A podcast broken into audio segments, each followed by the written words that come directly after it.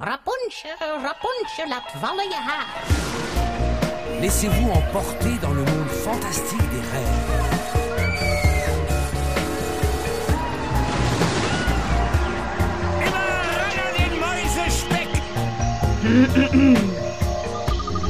Het is weer ochtend in Pretparkland. Goedemorgen pretparkland en welkom bij je ochtendelijke pretparkpodcast. Mijn naam is Erwin Taans en Tom van Lieveren en ik zijn vanochtend in het Sprookjesbos van de Efteling.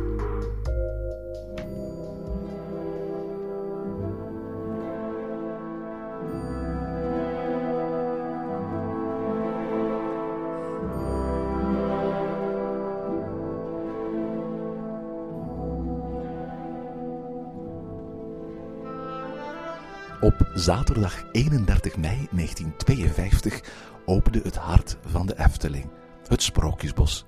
Een door Anton Pieck en Peter Reinders ontworpen oase van groen, waar tussen de bomen de vijf torens van het kasteel van Doornroosje priemen, waar de wolf op jonge roodgekapte meisjes en op onschuldige ganzenborde geitjes uit is, en waar elk kwartier de oneerlijke klechtslimme toon de bel luidt van de magische klok.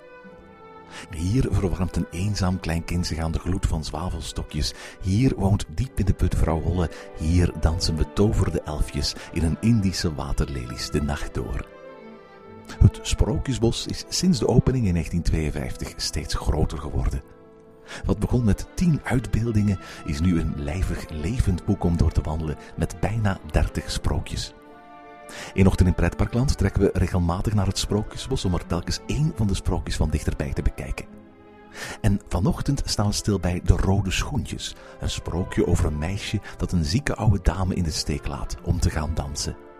De rode balschoentjes worden vervloekt en ze kan niet anders dan voor altijd verder blijven dansen, tot een beul haar redt. In de Efteling heet het sprookje officieel De Dansende Schoentjes, als je kijkt naar het bord bij het sprookje zelf. Maar Tom en ik houden het voor deze aflevering voor het gemak bij de oorspronkelijke titel van dit sprookje van Hans Christian Andersen. Goedemorgen Tom. En een heel goedemorgen Erwin. Zeg Tom, we staan weer in uh, het sprookjesbos van de Efteling. En uh, uh, attente luisteraars die hebben al gehoord, kunnen al horen welk sprookje. Ja, ik heb het al verteld in inleiding natuurlijk, maar aan de achtergrondmuziek kun je al horen waar we staan. Hè. Of, of de eigenaars van, van een of andere park-cd, want dit verhaal is ook uh, uh, al een aantal keer verschenen op cd. Hè? Ja, absoluut. absoluut. Dus, uh, we staan vooral duidelijkheid bij de, de rode schoentjes. Ehm, het, het, het allereerste sprookje van, van Hans Christian Andersen. Als je de, de wandeling van, ja, laat zeggen, van bij het, het, het kasteel van Doornroosje tot hier zou nemen. Hè? Ja, dat klopt erin volledig. Maar ook eigenlijk het, het eerste sprookje dat je kan zien, uh, eigenlijk, van als je het park binnenkomt en via de uh, tweede ingang, hè, de, de second hub, uh, het Sprookjesbos binnenwandelt hè, aan, de, ja, je, aan de linkerkant. Ja, maar je, je zegt dat nu, die, die, die tweede ingang. Ik heb geen idee wanneer die tweede ingang er eigenlijk is gekomen. Of die er eigenlijk al altijd geweest is, of, of dat die er, er uh, pas later aan toegevoegd is. Ik vermoed het laatste, maar ik weet, ik zou niet kunnen zeggen in welk jaar. In mijn herinnering is deze de tweede ingang, de, de huidige, laten we zeggen, ingang vanaf de Pardoespromenade, er altijd geweest in het, in het Sprookjesbos. Wat, wat, wat, misschien, voor we het over het sprookje hebben, eens daarover hebben. Wat, wat, wat vind je van het feit dat dit Sprookjesbos twee ingangen heeft. Of twee startpunten, laat ik het zo zeggen. Nee, op zich vind ik dat niet echt een probleem. Absoluut niet. Uh, we maken er zelf allez, wel gebruik van. Um, want het is niet zo dat het, het, het stoort niet, er is geen stijlbreuk. Het is niet zo dat, dat er plots de, de Pardoespromenade enorm zichtbaar wordt. De tweede ingang is ook mooi, met een mooi hekwerkje afgewerkt. Dus het blijft allemaal binnen die sfeer. Dus ik vind het, ik vind het eerder handig dan, um, dan, dan storend. Weet je wat ik mij altijd afgevraagd heb? De mensen die hier voor het eerst in de Efteling komen, of misschien voor de tweede of de derde keer, en, en die hun wandeling hier beginnen. Dus, dus uh, aan de ingang van het sprookjesbos bij de Pardoespromenade. En dus uh, de dansende schoentjes hier als eerste sprookje tegenkomen. Hoeveel van die mensen zouden dan nog dat eerste deel van, van het sprookjesbos doen? Uh, ja. Want je komt echt dan op een bepaald moment achter de Chinese nachtegaal aan de uitgang van het sprookjesbos. En denk je van, oh ja, we hebben alle sprookjes in het sprookjesbos gehad. Ja, ja, dat klopt. Maar het merendeel van de mensen, buiten parkliefhebbers, maar het merendeel van de mensen die, die ik weet die naar de Efteling komen, of die bijvoorbeeld eenmaal per jaar komen, of eenmaal om de zoveel jaar, die houden het Sprookjesbos meestal voor de laatste uren. Ja? Ja, ja, ik ken heel weinig mensen die zeggen, ah, het eerste wat we gaan doen is het Sprookjesbos. En na mijn bevindingen vind ik het hier ook altijd in de voormiddag betrekkelijk rustig tegenover de laatste uren. En, en zeker de, de jeugd en, en de jongere generaties, die gaan eerst naar Ruigrijk tegenwoordig, die gaan de grote attracties doen. En Sprookjesbos, mensen kennen dat wel. Mensen komen daarvoor naar de Efteling. Maar ze zeggen, we gaan eerst attracties doen en daarna gaan we naar het Sprookjesbos. Ja, ik kan me er iets bij voorstellen. Overigens is het Sprookjesbos in mijn ogen ook, ook uh, smiddags uh, een stuk aangenamer dan, dan s ochtends als, als vanuit fotografisch standpunt. Omdat de, de zon op zo'n manier zit dat toch nogal wat sprookjes in de schaduw liggen s ochtends. Terwijl uh, smiddags de zon idealer zit voor het maken van foto's.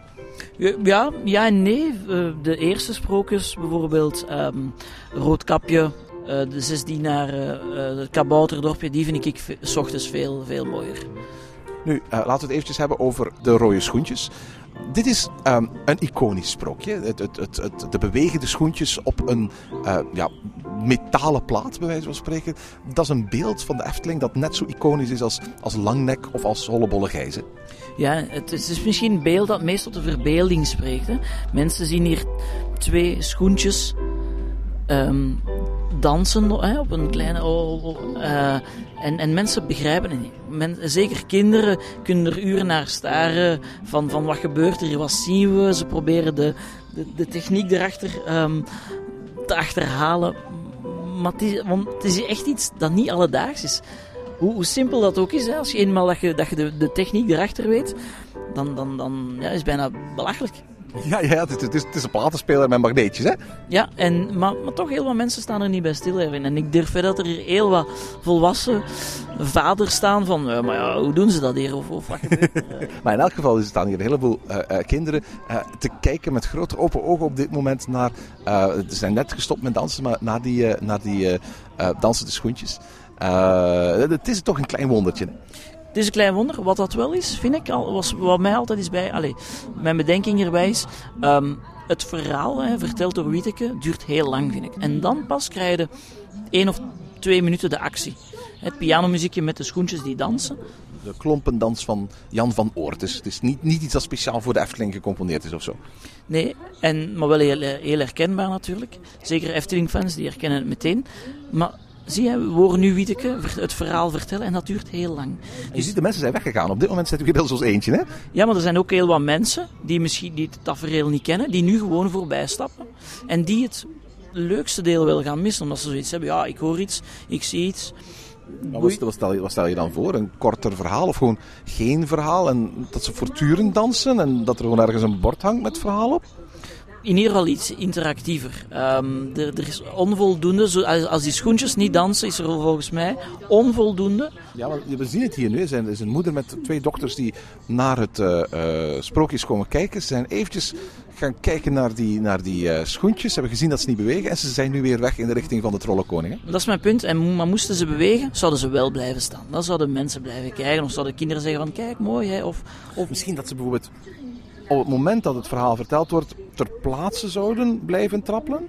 En dan op een of andere manier beginnen te dansen, dus bewegen op het moment dat, dat, dat de muziek begint te spelen of zo. Ja, want enkel die auditieve prikkel, dat is te weinig. Kijk, mensen, uh, misschien denken ze wel, oh, het is kapot, kan ook. maar het duurt te lang. Het verhaal, eh, ik, vind, ik vind het een heel mooi sprookje. Ik vind ook een Wieteke haar stem sowieso zeer aangenaam.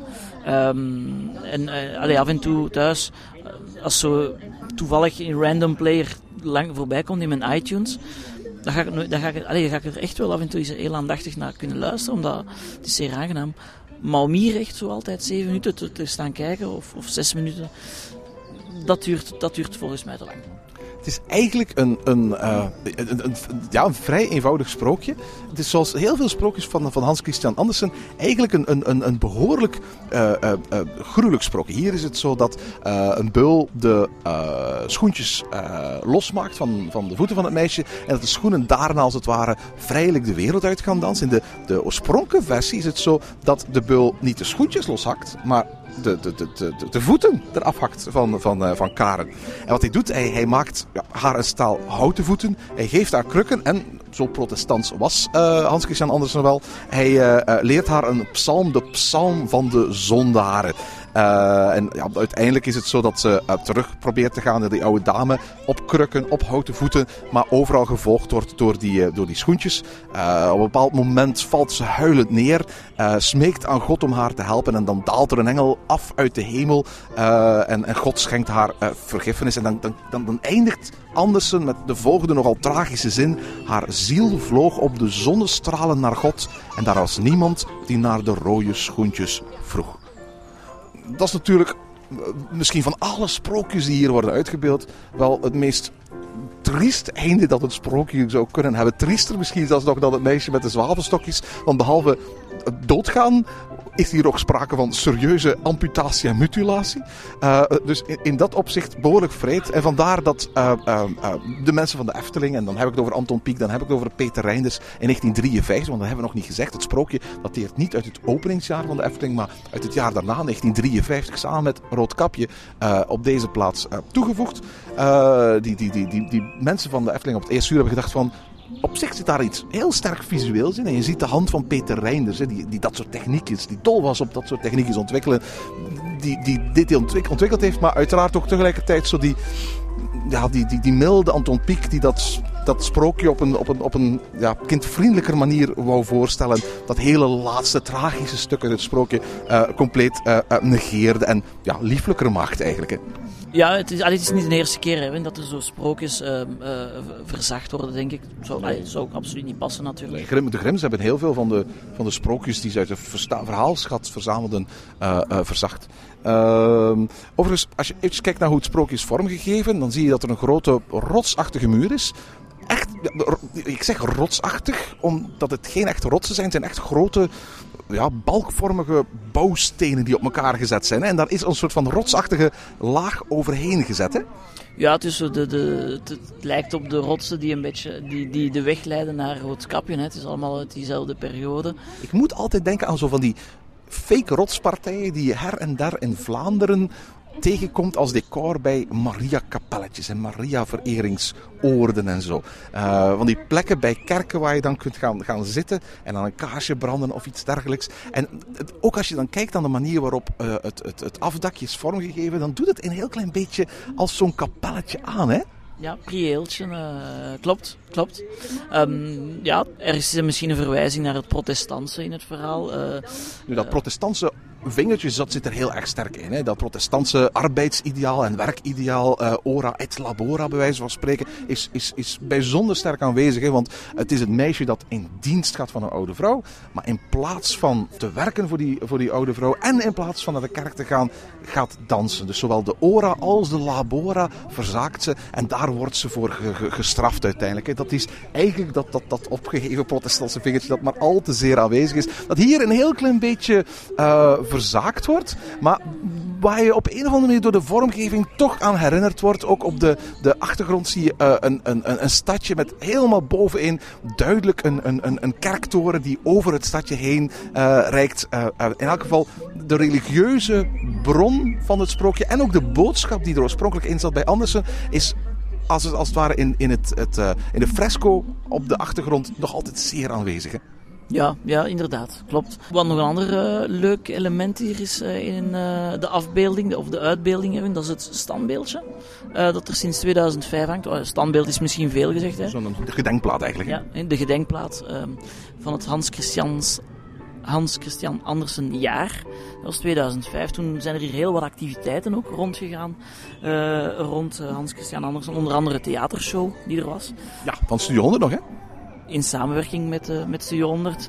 En ja, de, de sprookjes van, van hem stonden natuurlijk uh, een beetje in de, in de kijker. En dat is een van die restanten uh, die nog steeds te zien is. Ja, absoluut. Michel den Dolk, die eigenlijk een soort van gravuur heeft gemaakt van het sprookje van het lelijke jonge eentje. Een, een sprookje dat hier voor de rest in, in, de Efteling niet aanwezig is, maar, maar wel een van de allerbekendste sprookjes is van Hans Christian Anders. Ondertussen zijn er sinds de, de, de, de rode schoentjes nog een aantal andere Hans Christian Andersen sprookjes bijgekomen afgelopen jaren. Trouwens, een nieuwe kleren van de keizer is er een. Een meisje met zwavelstokjes is er een andere. De Chinese nachtegaal uh, aan het eind van de jaren 90 is er weer een. Het is, het, is, het is opmerkelijk dat men in de eerste instantie bij het Sprookjesbos vooral de Duitse sprookjes schat.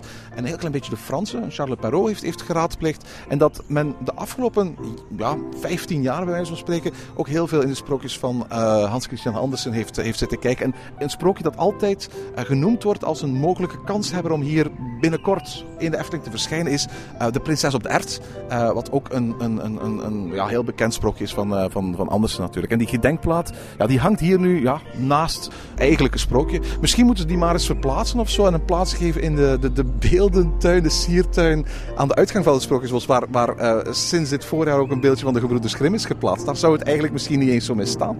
Nee, maar dit lijkt me ook een, een temporary, alleen zo'n tijdelijke plaats tot, tot als een definitieve uh, locatie krijgt toegewezen. Hè.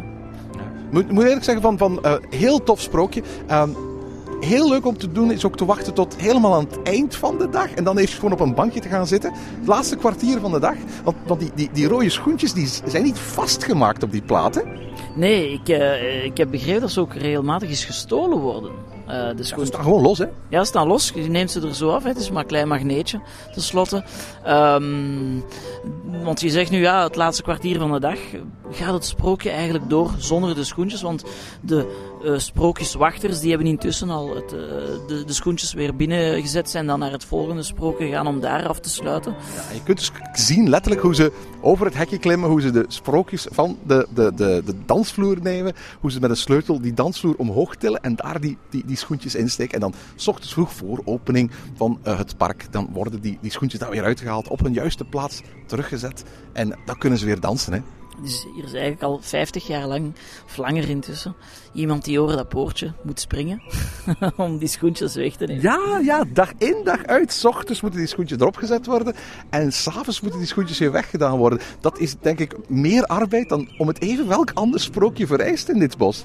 Dus misschien is het tijd voor een poortje of zo. Dat zou, zou ook de arbeidsongevallen misschien uh, naar beneden halen. Ik heb hier nog nooit gehoord dat hier iets gebeurt. Dus het is een, het is een, het is een klein maar heel erg mooi, heel erg iconisch sprookje. Uh, ik ga niet zeggen dat ik hier altijd 10 minuten blijf staan als ik in het Sprookjesbos ben. Uh, maar het, het, past perfect bij de sfeer op het moment dat je zeker in dit deel van het Sprookjesbos, uh, het Sprookjesbos betreedt. Om, om eventjes in de verte die verbaasde gezichten te zien kijken naar die bewegende rode schoentjes over die, over die dansende plaat. En dan gaan we verder naar de rest van het Sprookjesbos. Hè. Ja, inderdaad. Het is een uh, rustig genietplekje. Alleen, alleen maar kijken naar de verwondering, de kindjes die die, die, die echt wel uh, achterover vallen van, van verbazing. En tot zover deze aflevering van Ochtend in Pretparkland. Heb je vragen of opmerkingen? Mail ons dan via ochtend.pretparkland.be. Meer informatie over onze podcast vind je terug op www.pretparkland.be en nieuwe afleveringen download je via onze website of via iTunes. Ochtend in Pretparkland is de pretparkpodcast voor vroege vogels. Bedankt voor het luisteren en maak er een fijne dag van.